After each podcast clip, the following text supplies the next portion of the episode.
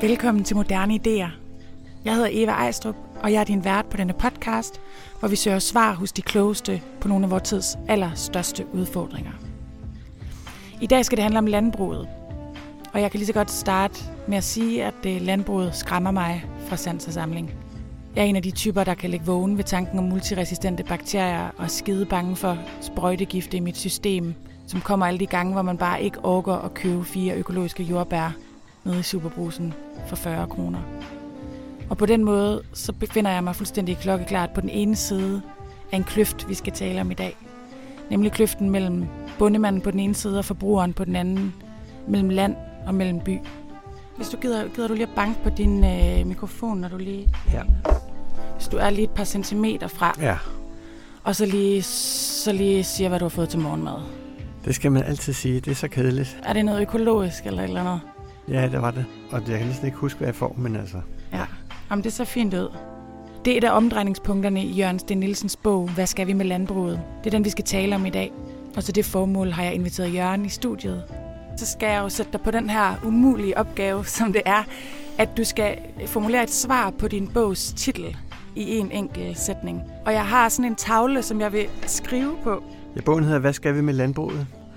Og jeg synes, svaret på det er, at vi skal lave en øh, fødevareproduktion på en måde, som sikrer, at der er liv og udvikling i landdistrikterne, og gengiver landmanden en trivsel, som man kan savne i dag, binder by og land sammen, og det skal ske via en satsning på sådan en, en mere alsidig landbrugsdrift, efter min mening med økologi i centrum.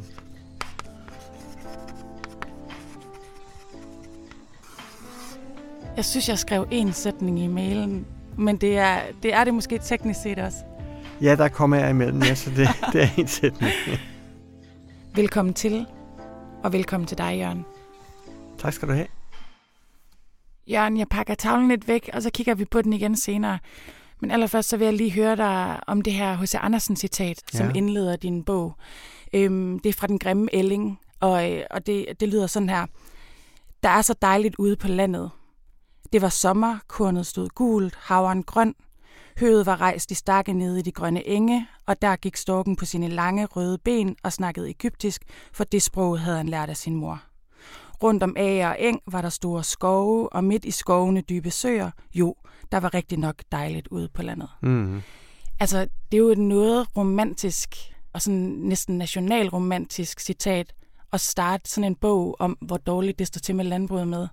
Hvorfor har du valgt det? Jamen dels er det jo det første billede, mange af vores børn får, når vi simpelthen læser den her, det her gam- gamle eventyr. Men jeg tror også, at det er, ligner det billede, som mange af os byboere har af landbruget, eller hvad skal vi sige, den drøm, vi har om, hvordan der burde være på landet.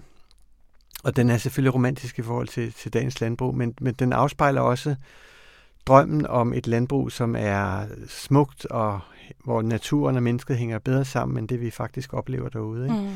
Så, så jeg vil ikke sige, at vi skal helt tilbage til det der, men, men det illustrerer alligevel noget af det, vi længes efter. Altså, at der er harmoni, mangfoldighed, biologisk mangfoldighed, øh, skønhed øh, øh, Mm. ude på landet. Ikke?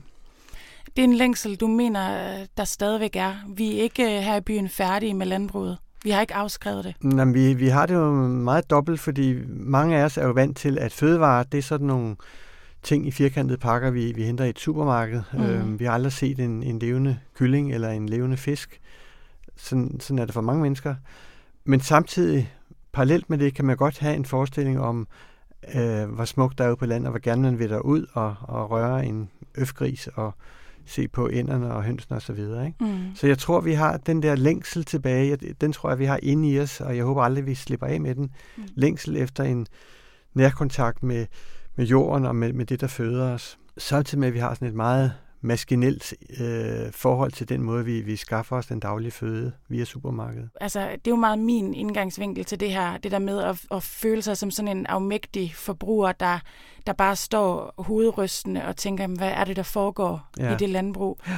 Altså, øh, for nylig har I skrevet i avisen også om multiresistente bakterier, mm. som muligvis bliver en større dødsårsag end kræft øh, ude i fremtiden. Og altså, man kan godt netop som forbruger være meget lidt på den enkelte landmands side. Den her, den her kløft mellem forbrugere og landmænd og land og by, den beskriver du som ufrugtbare fjendebilleder. Ja, ja. Altså, at der, der, der, der er et eller andet i den kultur, vi har, Ja. som, som, som er med til at skabe dem. Jamen, altså, det handler både om, at, at der er noget galt med landbruget. Det vil, det vil jeg jo også mene, der er. Men også, at forbindelsen mellem land og by er brudt. Altså, der var en gang, hvor vi alle sammen havde en... Hvis ikke vores egne forældre var landmænd, så var vores onkel eller vores bedstefar eller oldefar Mm. øh, fra landet. Så vi havde alle sammen en direkte relation og kom på landet. Ikke? Nu er der rigtig mange af os, som kun kender bylivet og ikke har slægtninge på landet. Og derfor forstår vi ikke de vilkår, som, som, som landmænd har. Og det gør jo, at det, øh, hvad skal jeg sige, det gør det nemmere at blive forarvet over, når man hører historier om, om grise, som ikke trives, eller høns, som ikke trives, øh, vandrygte dyr osv. Mm. Ikke? Så, så det er både noget med, at, at der er ting i landbruget, som man med rette kan synes ikke er i orden, fordi det ikke er bæredygtigt eller dyrevelfærdsmæssigt i orden. Men det er også vores manglende evne i byerne til at forstå de vilkår, som, som landmænd lever under. Ikke? Og fra landmændens side, så oplever han jo, at, at han får kritik for de her forkælede forbrugere, som kun vil have det bedste, men ikke vil betale for det. Ikke? Altså, vi, fødevarer er jo øh, meget billige i virkeligheden, selvom man kan synes, når man står ved køledisken, at, at det er mange penge, så er det en stadig faldende del af vores indkomst, som går til at købe fødevarer. Ikke? Vi bruger flere og flere af vores penge på rejser og bolig og tøj og biler og sådan noget. Ikke? Men kan man ikke sige, at den der, det der bånd, der er blevet kappet mellem land og by, måske i højere grad gør det muligt for os at se mere nøgternt på landbruget og rent faktisk Jo. rette en mere, hvad skal man sige, ædruelig kritik, når vi ikke står der med det ene ben i morfar Bents forhave. Øhm, er der ikke et nødvendigt opgør med det konventionelle landbrug? Jo, det har du ret i, og, og meget af kritikken er fuldstændig berettiget, og jeg, Mm. og, og jeg deler den ikke. Øhm, så det, det handler, det er jo om at, at gøre noget ved det, altså at bruge kritikken frugtbart, skabe Mm. en ny samtale mellem land og by. mm. Fordi i dag er der, sådan hvis jeg siger det lidt firkantet, ingen samtale. Der er en, en kløft, hvor vi står og råber hinanden og ikke forstår hinanden og har nogle meget firkantede fjendebilleder af hinanden. Ikke? Og det løser ikke problemerne. Nu synes jeg lige, vi skal høre et stykke ægte landboromantik på den der helt Morten Korkske måde. Ah, det er der ikke noget at tale om. Værsgo. Tak. Nu må I love mig en ting. Jo. I må ikke begynde at græde, fordi jeg går.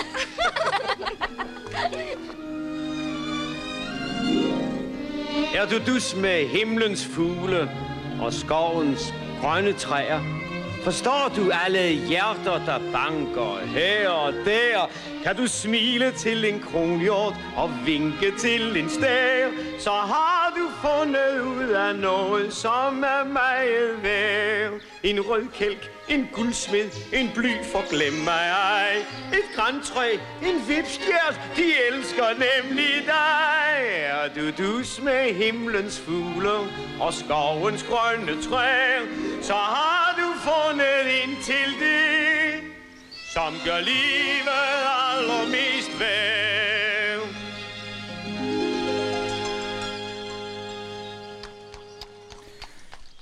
det er rart at svømme hen til Paul Rickard og lyden af det gode gamle landbrug her. Men som du beskriver det i din bog, Jørgen, så er det jo ikke helt så idyllisk længere ude på landet. Det er faktisk gået ned ad bakke i dansk landbrug, næsten siden Paul han sang den her sang i 1958. Øhm, kan du give noget baggrund for den her derute? Altså, du bruger ordet dødsspiral. Ja. Øh, at landbruget, øh, dansk landbrug befinder sig i en dødsspiral. Hvad går den dødsspiral ud på? Altså hvis du starter med, med, med tallene, så var det jo sådan, at vi omkring 1960 havde 200.000 landbrugsbedrifter herhjemme. I dag er der 10.000 heltidslandbrug tilbage, mm. og så er der et større antal deltidsbedrifter, hvor folk tjener penge også på anden måde. Og hvis du laver sådan en, en ret linje mellem det, der var engang og det, der er nu, og forlænger den linje, så ender det med, at om 10-12 år, så er der et landbrug tilbage, en heltidsbedrift tilbage. Sådan tror jeg ikke, det går. Jeg tror, at kurven flader ud, men det siger noget om, hvor hurtigt landbruget afvikles. Mm. Ikke sådan arealmæssigt, og ikke øh, produktionsmængdemæssigt, men antal af bønder, som lever i det erhverv og har en, en indkomst ved det, ikke, falder meget, meget hurtigt. Og det vil sige, for, for befolkningen af landmænd og, og deres familier, er det en dødsspiral. Ikke? Hvor kun de, de stærkeste, det vil sige de mest effektive og kapitalstærke, øh, på sigt overlever. Det er også det, som der hedder strukturudvikling. Ja, Jamen, du kan sige, at dengang øh, omkring 60, der havde man nogle, typisk nogle ret små bedrifter, øh, 15 hektar, altså en gennemsnitsstørrelse, hvis det siger folk i byerne noget. Og man havde sådan en, en alsidig sammensat bedrift med, der var nogle køer, der var et par heste, der var grise, får, høns, ender typisk. Man var i høj grad selvforsynende, og man, man, fordi man havde det hele, så hvis der var en ting, som slog fejl, hvis, hvis nogle dyr blev syge, eller en bestemt høst slog fejl, så var der stadigvæk ret meget tilbage at, at få indkomsten og fødevarene fra. Mm. Ikke? Så løb vi ind i den øh, udvikling, som har bragt mange velsignelser, som handlede om, at vi blev dygtigere til at producere hjælpemidler, både maskiner og også kunstgødning, sprøjtemidler. I vores dag er det, er det øh, robotter, landbrugsrobotter, mm. øhm, som gjorde, at den enkelte bondemand kunne producere mere og mere.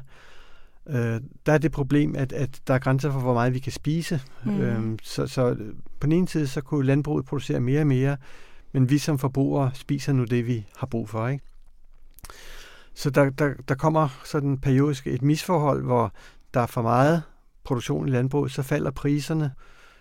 Og det, som den enkelte landmand må gøre, hvis prisen på et kilo flæsk øh, falder, så må han producere mere flæsk for at få de samme kroner i kassen. Ikke? Mm. Og det vil sige, at han må investere endnu mere i noget, der kan øge hans produktivitet. Endnu større maskiner, eller endnu mere kunstskydning, eller hvad det nu kan være. Ikke? Øh, det kræver penge, øh, og hvis ikke han har dem, så må man låne dem i banken.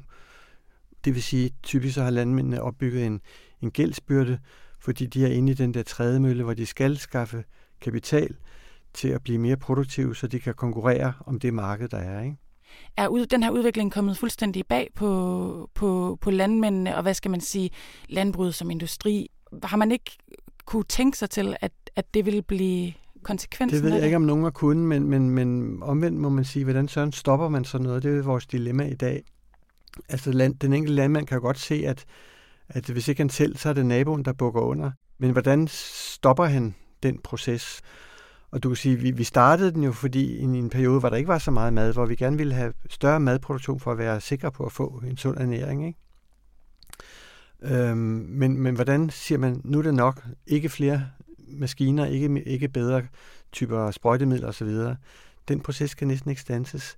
Også fordi landmændene er jo i en konkurrence med hinanden og med landmænd i andre lande. Mm. Så de, de er nødt til, hvis ikke de vil blive udkonkurreret af naboen, eller nogen i Østeuropa, eller i Brasilien, så er de nødt til at hænge på og hele tiden prøve at blive mere effektive. Mm. Ikke? Nu nævnte du lige bankerne. Altså, hvad er deres rolle i det her? Fordi at, øhm, det er måske naturligt nok, at man kan blive sur på forbrugere ja. over, at de ikke vil betale nok for de produkter, som man producerer. Men man har vel indgået de lån på nogle, på nogle vilkår på et tidspunkt, ja. som har været har de været ugennemskuelige, de vilkår? Ja, altså frem til finanskrisen, der var bankerne jo meget velvillige over for at yde landmænd lån, og de, de opfordrede tit landmænd til at tage lån, fordi de, så kunne de investere i det her produktionsapparat, som mm. ville gøre dem i stand til, i hvert fald på papiret, at tjene flere penge. Ikke? Og det var gode tider, så, så bankerne var meget large med at, at sige ja til lån, selvom du kan sige, kreditværdigheden var måske ikke helt så, så god, som den burde være. Og det, som de så i den periode tilbød mange landmænd, det var det, de, det der kaldes swap-kontrakter, som er nogle meget, meget indviklede finansielle konstruktioner, som... Ja, det var dem, der også var med til at bringe hele verdensøkonomien i knæ. Ja, det var det. Ja. Øhm, og jeg har snakket med så mange landmænd, som siger, vi forstod ikke, hvad det var for nogle lån eller nogle aftaler, vi indgik. Mm. vi, vi stolede på vores bankrådgiver, ikke? Mm. Og så kom finanskrisen, og så brød hele det der cirkus sammen, og så kunne de ikke betale tilbage. Mm. Og bankerne sagde altså på et tidspunkt, nu, nu må vi dreje nøglen om, vi kan ikke give dig mere kredit, så vi sætter gården på transaktion. Og det har du både skrevet om i, i bogen, men det har du også skrevet om som journalist øh, i Information, nogle ja. af de her skæbner. Hvad, hvad er de grældeste eksempler på det? Jamen altså, hvis du, hvis du kigger på statistikkerne, så kan du se, at, at vi har et meget højt antal konkurser, altså landbrugsbedrifter, som går ned og kommer på tvangsaktion. Ikke? Mm. Og hvis du tager ud og besøger landbrugsfamilier, så oplever du nogen, der kommer igennem sådan en proces, og i virkeligheden, jeg har mødt nogen, som, som føler sig befriet fra det her å, som, som det kan føles som, eller trædemøllen.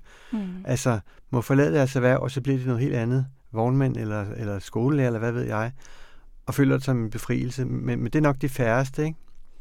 De fleste føler jo sorg og nederlag, fordi de sidder tit på den fædrende gård, som de har overtaget, og de vil rigtig gerne føre det her familielandbrug videre, og de klarer den ikke. Mm-hmm. Banken kommer og siger, nu lukker vi for kreditten, du må væk herfra. Ikke? Så, så det er en, en, en bitterhed, en vrede, en vrede rettet mod bankerne, mod ja, i virkeligheden mod alle os andre, mod forbrugeren, som ikke vil betale nok, mod medierne, som skriver grimt af landbruget osv. Ikke? Mm. Øhm, jeg ved fra, fra landbrugets øh, rådgiver, at der er mange landmænd, som, som må i sådan en kriseterapi. Ikke? Der er mange landmænd, som bliver skilt, øh, som render ind i depressioner over det, de oplever. Er det fordi, det er et kald at være landmand, eller er det fordi, det har en større identitetsmæssig betydning end mange andre erhverv? Det tror jeg helt bestemt. Ja. Altså, det er jo det er jo en livsform, hvor man, hvor man ikke rigtig skiller mellem fritid og, og arbejde. Mm. Ikke? Hvis du er mælkeproducent, så står du nogle gange op klokken 3 om natten for at begynde at, at malke. Ikke? Og mange landmænd er jo uvant med overhovedet at have ferie og kunne rejse væk. Og det er hele familien, som er, hvad skal vi sige, deltager i produktionen. Ikke? Børnene kan hjælpe, og, og hustruen hjælper. Så det er en, en livsform, som fylder ens tilværelse. Og det vil sige, det er meget, et meget hårdt slag, hvis man mister jobbet i den branche, end hvis man mister jobbet i alle mulige andre brancher. Ikke? Det er hele livssituationen, som, som, som forvidrer.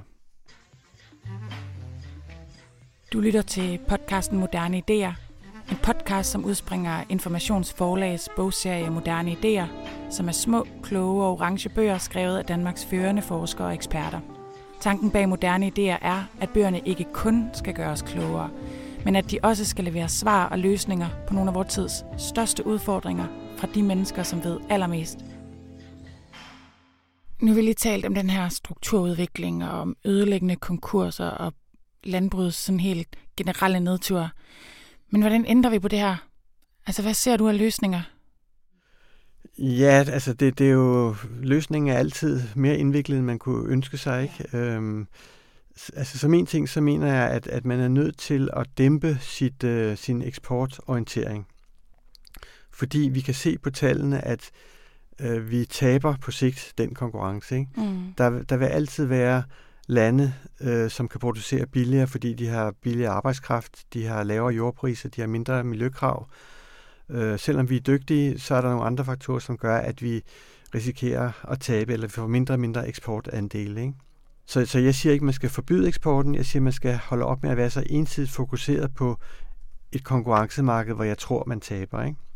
Så eksporter rigtig gerne nogle højkvalitets nicheprodukter, hvor vi kan få en god pris, men så brug flere kræfter og ressourcer på at producere til vores eget marked. Ikke? Øh, opdyrk øh, de produkter og de løsninger, som er højkvalitetsløsninger, som danskerne øh, meget gerne vil aftage. Det ser vi jo i de her år, at, at mange danskere de går efter højkvalitet mm. økologi, eller hvad man nu, nu kalder det. Ikke? Og en af de ting, som du synes, der skal gøres også, eller en af de ting, man kan læse i din bog, er, at du synes, at man skal satse mere helhjertet på økologi. Men hvad er det ved økologitanken, der, der kan redde landbruget?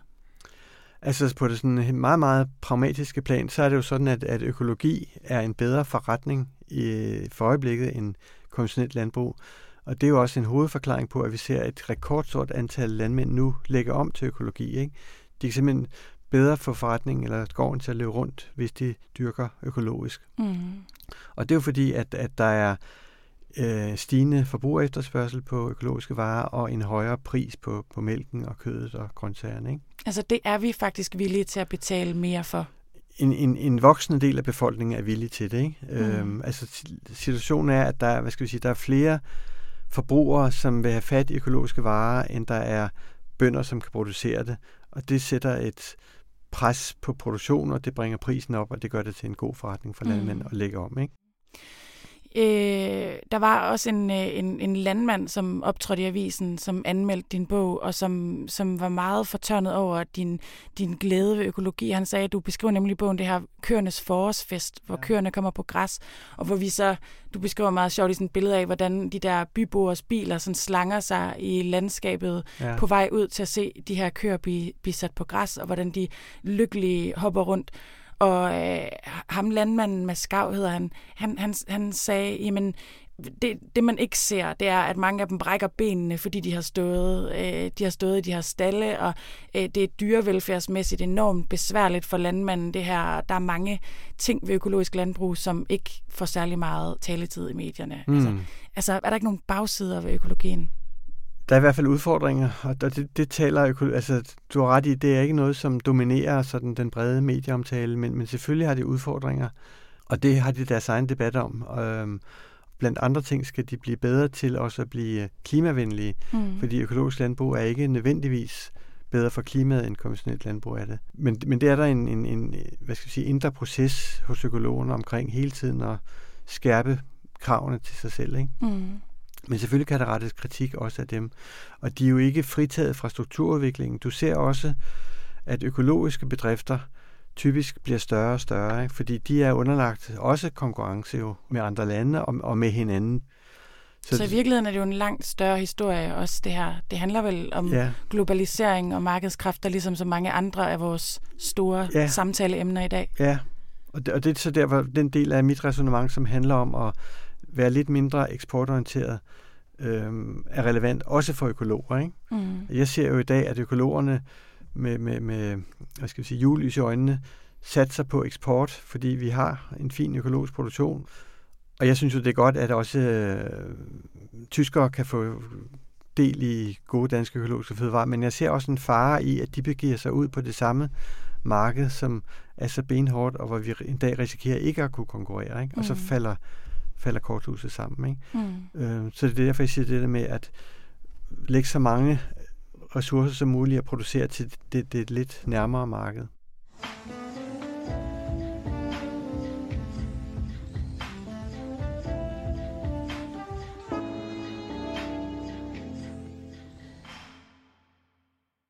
Vi lagde ud med at tale om den her manglende samtale eller manglende forståelse mellem land og by. Og din bog her er jo et forsøg på at starte en dialog med landmændene. Ja, den er sådan bevidst skrevet som en invitation til dialog med landmænd, fordi jeg, jeg synes, der er den her kløft, ikke? Mm. Så jeg synes selv, jeg gjorde mig rigtig meget umage for at sige, nu vil jeg gerne bidrage til at bringe dialog, så vi sammen kan finde nogle løsninger. Mm. Og jeg har jo oplevet, at nogen, øh, som på, på landbrugsvejen har anmeldt bogen, har været, hvis ikke rasende, så i hvert fald meget, meget kritisk og sagt, mm. at det er typisk sådan en café latte journalist, som ikke ved, hvad der foregår på landet. Ikke? Ja, jeg har præcis øh, et eksempel på en anmeldelse, og det er Jørgen Evald Jensen, som er faglig direktør i Bæredygtigt Landbrug, som under overskriften Politisk indspark fra Venstre, godt blandet med Morten Kork og noget utopia. Øh, altså, han mener, at, at din bog er fuldstændig virkelighedsfjern. Øh, fordi han mener i virkeligheden, at du vil tilbage til en virkelighed, som, mm. som, som ikke eksisterer. Yeah. At du på en eller anden måde også frasiger dig lidt det der globale marked, kan man sige, og vil orientere dig og have landbruget tilbage til at orientere sig mod det danske marked. Yeah at, altså, der står øh, øh, landbrugsorganisationer på den ene side og siger, at, at det er helt virkelighedsfjernt at tænke som dig. Mm. Og så står der, øh, og så siger du, at, at det er dem, der er virkelighedsfjernt, fordi strukturudviklingen bliver ved med at fylde så meget for ja. dem. Hvordan, hvordan kan man forstå Jamen, det? det? Det er jo meget, meget, meget mærkeligt alt sammen, fordi du har en, en formand for Landbrug og Fødevare, altså landmændenes formand, som jo begræder, at hans medlemmer forsvinder, forlader erhvervet, fordi de øh, må lukke bedriften. Mm. Ikke? Og i samme åndedrag siger, men der er ikke noget at gøre ved det. Strukturudviklingen er kommet for at blive, og mere af den, siger han. ikke. Fordi det er det, der gør dansk landbrug konkurrencedygtigt. Det vil sige, de er stadig færre landmænd, som, som er tilbage, fordi der er jo nogen, der, der tjener gode penge i landbruget. Ikke? Så, så, så, så der er jo en eller anden voldsom øh, selvmodsigelse i, at landbrugets egen organisation saver og saver i den gren, mm. som de sidder på, ved at øh, hvad skal vi sige, afvikle deres egne medlemmer, ikke? Mm. og samtidig siger, men der er ikke noget at gøre ved det, og vi må have mere af det. Ikke? Hvorfor? Og det kan være ja. svært, når man er del af det, og, og se, hvordan i alverden skal vi gøre op med det. Og det er så det, som jeg og andre mennesker, som, som ved mere end jeg, prøver at, at gøre op med, eller sige, der, det her, enhver kan se, det ikke holder, altså må vi finde nogle andre veje, og der er nogle andre veje. Ikke? Hvorfor i alverden bliver de her landmænd ikke vrede på deres øh, interesseorganisationer? Hvorfor bliver de ikke vrede mm. på de politikere, som bliver ved med at, at tro på, at strukturudviklingen er vejen frem? Jeg forstår vreden mod forbrugerne, vreden ja. mod bankerne. Hvor er vreden mod de mennesker, som, som i virkeligheden holder det her, den her ideologiske fane højt. Men den er der jo også, fordi der er mange landmænd, som er vrede på Landbrug og Fødevare og melder sig ud og melder sig ind i Bæredygtig Landbrug, som er en protestorganisation, som har en, en meget præcis analyse, som sådan set ligner den, jeg har kunne skrave sammen af, hvad der er vanskelighederne, udfordringerne for landbruget, men, men så har nogle løsningsmodeller, som jeg ikke rigtig tror slår til. Ikke? Ja, fordi vi skal måske lige uddybe, det er en organisation, der hedder Bæredygtigt Landbrug, ja. men det er ikke din definition af bæredygtigt nej, landbrug. Nej, altså, nej det, det er et meget smart navn, og jeg, jeg kender ikke overvejelserne bag det valg af navn. Men, men deres øh, hvad skal vi sige, hovedtese, det er, at at vi skal fjerne alle de snærende bånd, som reguleringen, lovgivningen lægger på landbruget, så skal mm. det nok gå. Ikke? Altså væk med de fleste miljøregler, fordi det er dem, siger bæredygtig landbrug, som tvinger landmændene og deres økonomi i knæ. Ikke? Mm. Det er dem, der gør, at vi ikke kan konkurrere med Litauen og med Polen ja. og med andre lande. Ja. ja. Så du kan sige, at tilslutningen til bæredygtigt landbrug som protestorganisation er jo et udtryk for, at mange landmænd er utilfredse med deres store gamle organisation, øh, Landbrug og Fødevare. Mm. Ikke? Mm. De er også vrede på politikerne, øh, så, så de er bestemt vrede sådan til mange sider.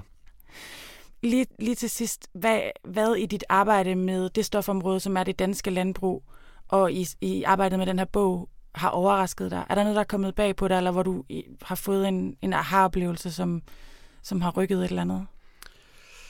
Ja, der er to ting. Det ene er måske ikke så overraskende, men, men, men, men det er den der altså, glæde ved at møde folk, som øh, gør, hvad de kan for at finde mere langtidsholdbare løsninger for landbruget og for, for de danske landmænd. Ikke? At der foregår virkelig meget, hvor man eksperimenterer med nye ejerformer, nye produktionsformer, øh, samarbejdsformer mellem landmænd og mellem landbrug, og, eller landmænd og forbrugere. Mm. Øh, det har været meget opmuntrende. Ikke? Samtidig har det været en overraskelse, hvor svært det er at få dialog med dem, der så ikke står der. Altså de landmænd, som er bundet op på en, en meget stor industribaseret øh, svineproduktion og har en høj gæld, ikke? som føler sig trængt fra alle sider, og som øh, har svært ved at for eksempel læse, hvad jeg skriver, uden at få det galt i halsen. Ikke? Mm. Der, der, hvor det lykkes, det er, når man så tager ud til dem og sidder ved deres kaffebord og får giver dem mulighed for at forklare, hvad er det for nogle vilkår, de, de sidder i, og hvad er mm. årsagen til dem, ikke? Og man så selv kan forklare, hvordan ser verden ud fra forbrugerens side. Så synes jeg godt, man kan nå hinanden. Øhm, men så, så snart der er en afstand i form af, at det foregår på sociale medier, mm. eller via pressen, eller på anden vis, jamen så er jeg overrasket over, hvor, hvor, hvor dyb kløften er, hvor meget arbejde der er tilbage med at skabe sådan en ny samtale mellem land og by. Altså, der er simpelthen for mange følelser. Det er for, det er for eksistentielt for dem til, at, at det, de kan sige, nu indgår jeg i den her debat lidt som en fagperson. Jamen, det er jo rigtig eller? svært at, at, at, altså, se, hvordan man skal gøre op med, med den tilværelse, som man har haft måske flere generationer, og hvor man er bundet og bastet øh, af ydre omstændigheder, ikke? Øhm, det er meget nemt at være heldig at sige, at I skal gøre, lave det hele om, når man, når man ikke er bundet, når man sidder i, i en by og kigger på det. Ikke? Mm. Men, men det er så vanskeligt for landmænd, hvis hele identitet er det der med at være dygtige svineproducenter mm. og få så meget ud af det som muligt, og erkende, at, at det er altså ikke langtidsholdbart. Ikke? Øhm, nogle må så erkende det, fordi de går ned med nakken og går for lidt, men andre, som stadigvæk hænger på, kan ikke ligesom bringe sig selv til at sige, kritikerne har ret, vi kan gå en anden vej, for det, det er ligesom at bryde med hele selvforståelsen. Ikke?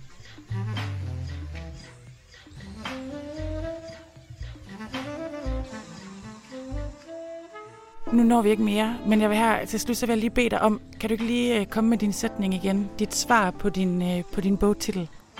Tag lige tavlen frem igen her.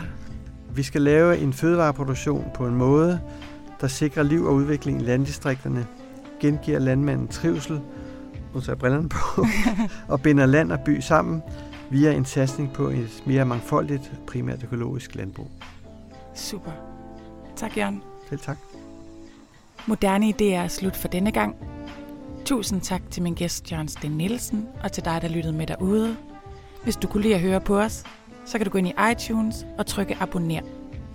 Du kan også tilmelde dig informations nyhedsbrev om podcast, så får du besked hver gang der er nyt fra denne podcast og fra vores ugentlige magasinprogram Radioinformation. Det kan du gøre inde på information.dk-podcast. Vi skylder også en stor tak til vores sponsorer. Moderne idéer i både skrift og lyd er støttet af Lundbækfonden, Augustinusfonden, Bestlis Fond samt den Hjelmstjerne Rosenkroniske Stiftelse. Jeg hedder Eva Ejstrup, og med i redaktionen er også Anne Pilegaard Petersen. Farvel og på genhør.